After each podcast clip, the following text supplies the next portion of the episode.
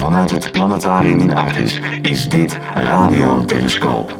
Een podcast over leven in het universum met sterrenkundige Milo Gelootjen en cabaretier Peter van Ewijk. Yes, deze week berekenen we de kans op een ontmoeting met groene mannetjes. Hoe waarschijnlijk is het dat we buitenaardse wezens gaan ontmoeten? We beginnen echter zoals altijd met. Hemellichaam van de week. Oftewel een plek in het heelal of een sterrenkundig object dat aansluit bij het onderwerp van deze aflevering. En Milo, welk sterrenkundig object heb je deze week gekozen? Hij kwam vorige week al even voorbij. ehm, en dat gaat om Proxima Centauri, de dichtstbijzijnde ster. Je kunt hem helaas vanuit Nederland kun je hem niet waarnemen. Dan moet je echt voor naar het zuidelijke halfrond. En als je daar bent, kun je hem ook niet waarnemen. want hij is veel te zwak.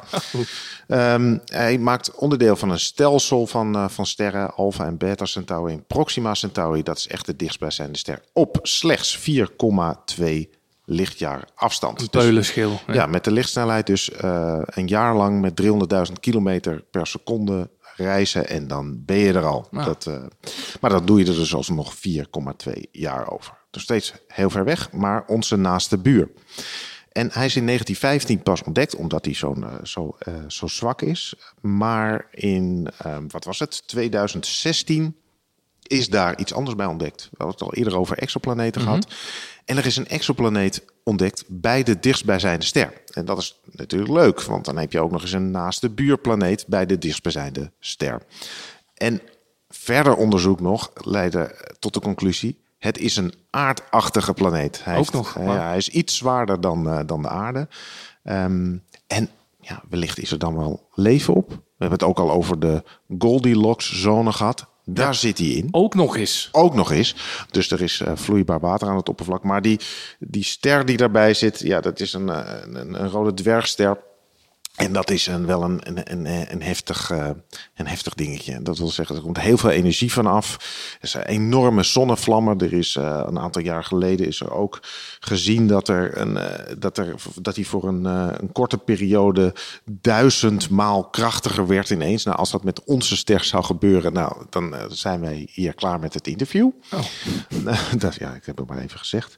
Eh, dus het, er is heel veel speculatie over. Het zou allemaal kunnen. Er zijn randvoorwaarden voor leven eh, te noemen. Dat het mogelijk is. Maar er zijn ook heel veel dingen te noemen waarvan we zeggen, ja, dat, dat gaat hem echt niet worden. Nee. Eh, nou, misschien moeten we toch wachten of we daar inderdaad een keer een ruimtevaartuigje naartoe kunnen sturen. Ja, zijn we, zijn, we, zijn, we, zijn we die planeet op dit moment nog verder aan het bekijken? Of, of is de technologie nog niet zo ver dat we daar nog iets meer uit kunnen? Ja, er wordt steeds meer onderzoek gedaan naar vooral eh, de ster. Hoe gedraagt die ster Oh ja. zich? En zou daar, eh, eh, zijn daar de omstandigheden zo bij dat er eventueel leven bij kan staan? Of is dat allemaal veel te heftig? Ja. Eh, dus daar wordt nog onderzoek naar gedaan.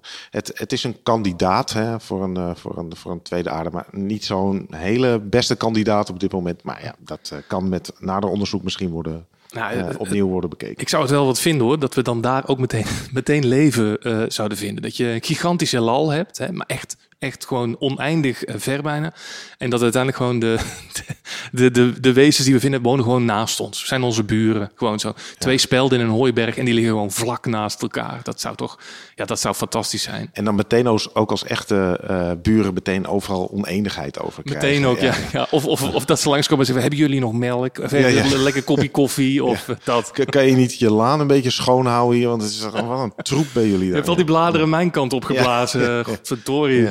Nou, het, is, het, is, het is een mooie opener van deze aflevering, want we gaan het hebben over eh, kansberekening. Wat is de kans eh, dat we een buitenaardse beschaving eh, tegenkomen? Ehm, en als we het hebben over dat soort kansberekening, dan komen we opnieuw een oude bekende tegen.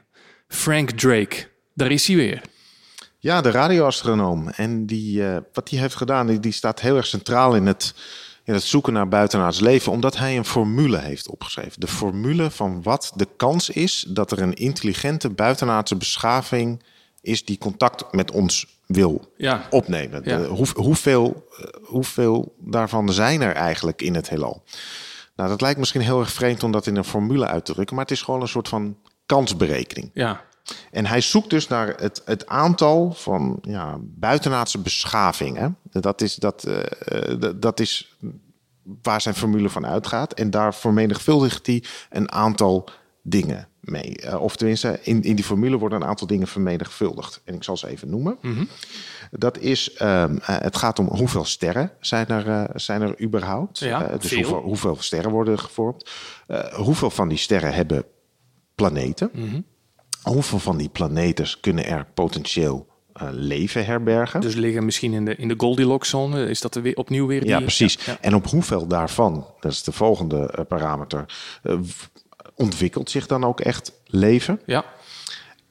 Hoe, welk percentage daarvan ontwikkelt intelligent leven? Dus hoe, zoals wij hier op aarde, tenminste, wij noemen dat intelligent leven. ja, dat valt nog te bediscussiëren. En dan ook nog eens de kans dat dat intelligente dan technologie ontwikkeld waarbij ze kunnen communiceren, Communiceren, ja. en waar ze dus ook met ons over zou kunnen communiceren. En dan de laatste is uh, de, ja, de tijd dat zo'n beschaving er überhaupt is. Want je kan, wij zijn er, wij zijn er al een tijdje, maar in de, in de geschiedenis van het heelal is dat echt een oogwenk. Ja. Zijn wij er hier over duizend jaar nog? Over 2000, over 10.000. We hebben het namelijk wel over gigantische afstanden in het heelal. Als je een ster hebt op, op, uh, op 10.000 lichtjaar afstand, die potentieel interessant is, omdat daar een hele uh, uh, grote kandidaat voor een tweede aarde omheen zit en we willen daar een boodschap naartoe sturen, ja. dan gaan we daar een boodschap naartoe sturen en dat duurt 10.000 jaar voordat het daar aankomt overleven wij nog 10.000 Ja, dan moeten wij dan natuurlijk ook nog zijn om het antwoord uh, terug te... Ja. ja, precies. Dus je vermenigt al die getallen met elkaar en dan krijg je ja, dus een antwoord. Hoeveel van die intelligente beschavingen zijn er? En hoeveel zijn er? Hoeveel, hoeveel had Frank Drake bij elkaar uh, geteld? Ja, die parameters, dat onderzoek daarnaar, uh, dat, dat, dat, is heel erg moeilijk om daar je vinger op te leggen. Dus daar wordt heel veel onderzoek naar gedaan. Ja. Dus het, de, eerst was het ergens tussen de 20 en de en de 50.000. Ja. Uh, ja, Oké. Okay. Dat, uh, dat kreeg ik uh, bij mijn wiskundeopdrachten vroeger niet voor elkaar hoor. Ja, het antwoord ligt ergens tussen 0 en 6000. Ja, nou ja, goed. Ja. en ehm, toen ik studeerde was het, was het antwoord een beetje, voor in ons melkwegstelsel was, een, was het antwoord 1. Dat is een, dan denk je van, jee, maar eigenlijk is dat een beetje teleurstellend, beetje teleurstellend want dat zijn dus wij. Dat zijn we zelf. Ja, nou ja, dat hopen we natuurlijk. Ja, dat, dat, hopen we natuurlijk, ja. Uh, en er is uh, een nieuw onderzoek gedaan en op dit moment staat de teller in ons melkwegstelsel, ons melkwegstelsel, 200 tot 400 miljard sterren. Ook een leuk aantal om ja. over te discussiëren. Dus twee keer zoveel. maar um, hij staat op 36. Oh, maar dat, nou, dat valt mij 100% mee, moet ik zeggen. Uh, al, al, roept het ook wel weer meteen een, een andere vraag op. Uh, vraag die ook al ten tijde van Frank Drake en, en, en zijn vergelijking werd gesteld. Als er dan 20 of 36 of 50.000 beschavingen uh, in ons uh, zonnestelsel rondhangen, waarom hebben we ze dan nog nooit gezien? Waarom zijn ze nog nooit langsgekomen met, met bloemetjes en, en, en een doosje merci? Dat is een goede en ook een hele vervelende vraag. Is graag gedaan, ja. Mila. Die, die vraag is, uh, is eerder gesteld uh, door um, Enrico Fermi. En uh, een hele terechte vraag ook. Fermi is bekend, is een bekend natuurkundige. Hij werkt aan de eerste kernreactor. Hij is ook een van de grote namen achter de ontwikkeling van de kernbom. Dus een prettige wetenschapper. Leuke gozer. Ja. En hij stelde ook vervelende vragen. Want inderdaad, als we het over die 36 hebben binnen ons eigen melkwegstelsel. Um, ja, we zijn niet het enige melkwegstelsel. Er zijn miljarden van dat soort melkwegstelsels, keer 36. Dus het moet echt wemelen van het leven in dat, uh, in dat heelal. En tijdens een lunch op een conferentie uh, zei hij, toen het daarover ging, zei hij een keer: Nou, waar zijn ze dan? waar, waar, waar is iedereen? En nogmaals, goede vraag. Ja. Want dan zouden we al lang een keer uh, contact uh, moeten hebben gehad. En um, ja, het, het, het, komt erop neer. De antwoorden daarop kun je in vier. Um, met, je kunt vier antwoorden op die vraag geven. Hè. Het kan zijn is dat buitenaards leven er inderdaad helemaal niet is. En dat we alleen zijn. Beetje saai. Ja. Uh, dat buitenaards intelligent leven wel bestaat, maar nog nooit contact met ons hebben op, opgenomen. Ja. Uh, dat, het, dat is, vind ik trouwens überhaupt het beste bewijs voor intelligent buitenaards leven. Hè? Dat ze nog nooit contact met ons hebben opgenomen. Ze hebben, ze hebben het allemaal eens goed bekeken en ze Ja, hebben gedacht, ja, nou, ja, doei. laat maar niet doen. Ja. Eh, buitenaards leven heeft in het verleden misschien wel een keer contact opgenomen. Dat kan, hè? Dus dat we nu d- dat 20.000 jaar geleden ze echt de hele tijd aan het bellen waren en neemt niemand op en nou is het een keer genoeg geweest. Ja, of, of zijn ze misschien al een keertje langs geweest ook? Ja, misschien dat, kan natuurlijk ook. Waren de goden cosmonauten, dat, Ja, dat, dat- boek weer? Dat soort, eh, dat soort dingen inderdaad. Of dat buitenaards intelligent leven eh, al lang bewust van ons eh, is, maar helemaal geen interesse heeft. Nee, nee dat, is, dat, is, dat is ook wel een beetje Ja. mijn, mijn favoriete antwoord daarop. Dat is dan de, de, de zoo-hypothese, wordt die genoemd. En dan, zei, dan zeggen ze, ze zijn er, ze zijn er absoluut. En ze hebben ons al gevonden. Maar ze vinden ons behoorlijk onderontwikkeld. En eh, daarom zeggen ze van nou, laat ons maar niet in de, in de buurt komen. De natuurlijke evolutie mag niet gestoord worden. En dus dat wij eigenlijk, ehm, het is wel heel toepasselijk om dat hier in acht is te zeggen, maar dat wij eigenlijk in een soort van kosmische eh, dierentuin zitten. Dus een, een eh, afgebakend gebied. Ehm, en, en, en ze zijn van een afstand zijn ze onze evolutie in de gaten aan het houden. Maar totdat we een bepaald punt hebben bereikt, zeggen ze van nou, laat ze maar een beetje aanmodderen. Ja. ja, dat doet me heel erg denken aan, eh, aan, aan Star Trek. Ja. De Prime Directive. Ja. En als er gesproken wordt in Star Trek over de Prime Directive, wordt, wordt er altijd mee, eh, die wordt altijd overtreden. Eh, dat er een soort universele, culturele of juridische voorwaarden zijn die je eerst moet Ja. de, onderschrijven voordat je een keer contact opneemt. Wat een papierwerk daar in het, eh, in het heelal. Ja, nou ja, het, het- ik, ik, aan, aan de andere kant snap ik het wel. Want ehm, kijk, als wij, als wij nog niet in staat zijn om met onszelf er een mooie eh, eh, planeet van te maken. Waarom zou je ons dan in godsnaam toelaten tot een soort van groter geheel... waarin dat we ook al die anderen kunnen gaan aansteken... om, om een beetje idioot gedrag te gaan vertonen? Ja, ja dat is een goed punt.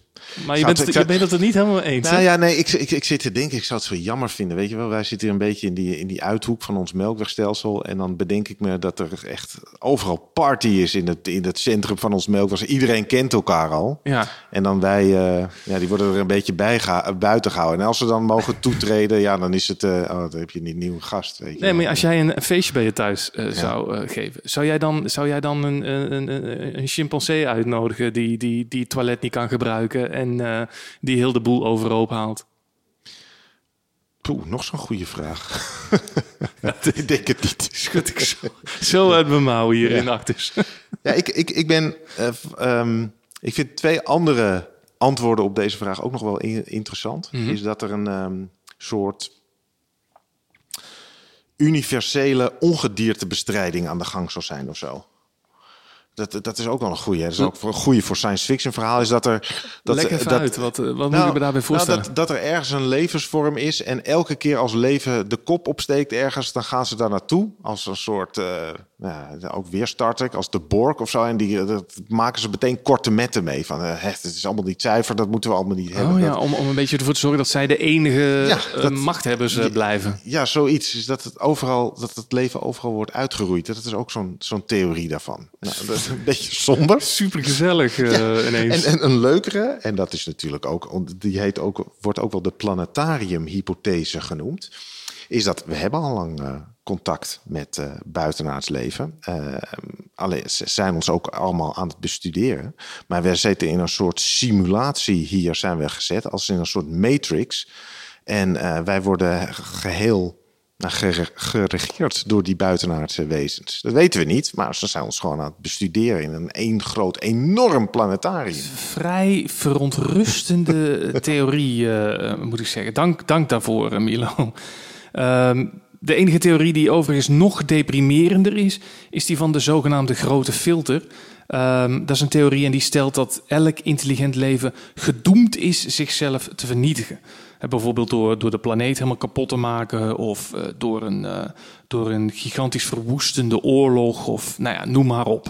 Ja, en dat was ook een van de para- parameters in die eh, Drake-vergelijking. Eh, daar valt over te twisten hoe, eh, hoe groot die is. Want als die inderdaad eh, eh, um, een hele grote factor speelt, ja, dan is er wel overal intelligent buitenaards leven, maar voor, op astronomische schaal echt heel erg kort. En dan wordt het gewoon veel te toevallig dat ze elkaar in die hele korte tijdsbestekken zouden kunnen, kunnen vinden.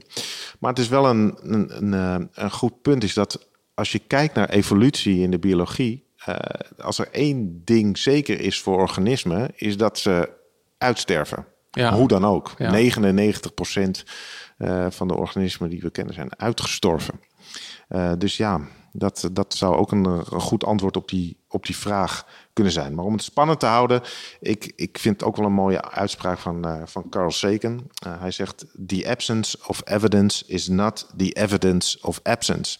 Dus dat wil zeggen is dat, uh, dat, er, als, dat er geen bewijs is voor leven elders, wil, wil niet zeggen dat dat buitenaardse leven er ook helemaal niet is. Ja. Je moet gewoon beter zoeken. Ja, ja. Dus, ja dat vind ik inderdaad een, een, een, een ook een hele mooie om, om, om, om stilletjes aan bij af te sluiten. Um, laten we ervan uitgaan dat ze er wel zijn. Blijft natuurlijk nog altijd wel de vraag: um, zullen wij überhaupt in staat zijn om dat buitenaardse leven te herkennen? En voor, het, hetzelfde geld zien we ze niet, omdat ze in, in een soort van totaal, op een totaal ander niveau uh, zich bewegen of in een soort van andere dimensie uh, rondhangen. Misschien zijn ze vijfdimensionaal, je weet het niet. Dat zat in, in, een boek van Kurt Vonnegut. Uh, waren er vijfdimensionale wezens bijvoorbeeld. Ehm, de vraag blijft, hoe, hoe zal het eerste buitenaardse leven dat we tegenkomen eruit zien? En ik denk dat dat een, een ideale vraag is voor... De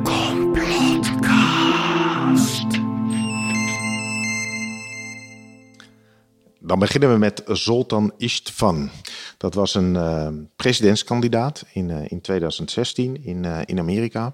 En hij had eigenlijk wel een, een antwoord op die Fermi-paradox. Waarom is er nog nooit iemand, een buitenaardse beschaving geweest, die met ons contact heeft ondernomen? Nou, hij ziet dat vanuit een heel ander perspectief. Hij kijkt naar de mens en de evolutie van de mens en hij ziet waar wij naartoe gaan. En dat is eigenlijk dat we veel meer afstevenen op artificiële intelligentie. Dat we een soort robots worden. We worden uh, onze onder, delen van ons lichaam worden ver, eh, vervangen. En uiteindelijk denkt hij, wij worden volledig vervangen. De mens die wordt, uh, die sterft uit en dat gaat over in artificiële uh, intelligentie.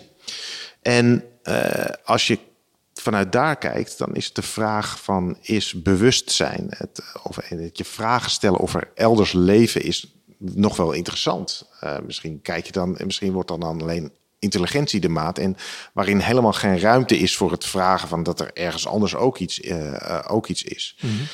En dit kan zich zo snel ontwikkelen dat die intelligentie wordt zo snel uh, uitgebreid en vele malen sterker dan, dan wij uh, dat hebben, dat we die twee levensvormen, die artificiële intelligentie en, en mensen elkaar helemaal niet begrijpen. En hij, hij denkt dat dat eigenlijk met al het leven zo gaat.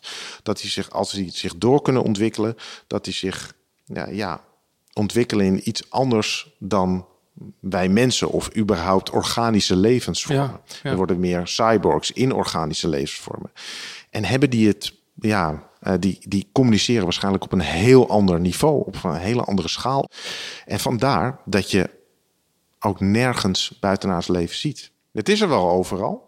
Maar we snappen het. Uh, we snappen het gewoon niet. Niet, nee. nee. Het is gewoon op een, een heel ander niveau bezig. Zij zijn dan waarschijnlijk ook helemaal niet bezig met, uh, nou ja, emoties en, en, en waar, waar, waar, wij ons zo druk zo, zouden over maken. Ja. Uh, zij zijn heel rationeel dan. Uh, dus ja, voor hen zijn wij ook niet echt ja, het zijn, super belangrijk. Het, het, zijn wel heel veel aannames. Hè? ja. het, een tijdje geleden hebben we het over de Voyager gehad met die, met die, met die LP erop. En stel nou, je bent een heel rationaal wezen die ja, zeg maar heel ver ontwikkeld zit. En dan komt er zo'n zo'n oud stukje ijzer voorbij. En dan denken ze misschien wel, ja, het merken ze niet eens op. Niet eens op. Wat nee, nee. het heeft ook, heeft ook geen nut voor hen om zich daarmee bezig te houden. Nee, nee. Oh ja. Nou, dat is een uh, ontnuchterende... Hoe, hoe het trouwens die Zoltan uh, is van 2016 nooit meer iets van gehoord? Uh, nee, die is, is, is, hij nog iets aan die, doen? Die is overtroffen door een veel betere kandidaat. Een robot. uh, een slecht functionerende robot uh, zal dat dan zijn. we zijn aan het einde gekomen van deze aflevering. volgende week gaan we het hebben over science fiction in films, televisie en boeken. Wat is nog steeds fiction en wat is inmiddels fact? Dit was Radio Telescoop. Tot volgende week. Inkomend bericht. Wil je nog meer weten over sterren, planeten, nevels en zwarte gaten? Ga dan naar artis.nl en schrijf je nu al in voor de cursus Sterrenkunde in het Planetarium van Artis in november. Milo Grootje neemt je ook daarmee op een onvergetelijke reis door de astronomie. En ben je benieuwd naar hoe sterrenkunde en cabaret samengaan? Kom dan een keer kijken naar mijn cabaretvoorstelling Contact. Via petervaneerwijk.nl vind je de optredens in je buurt. Einde bericht.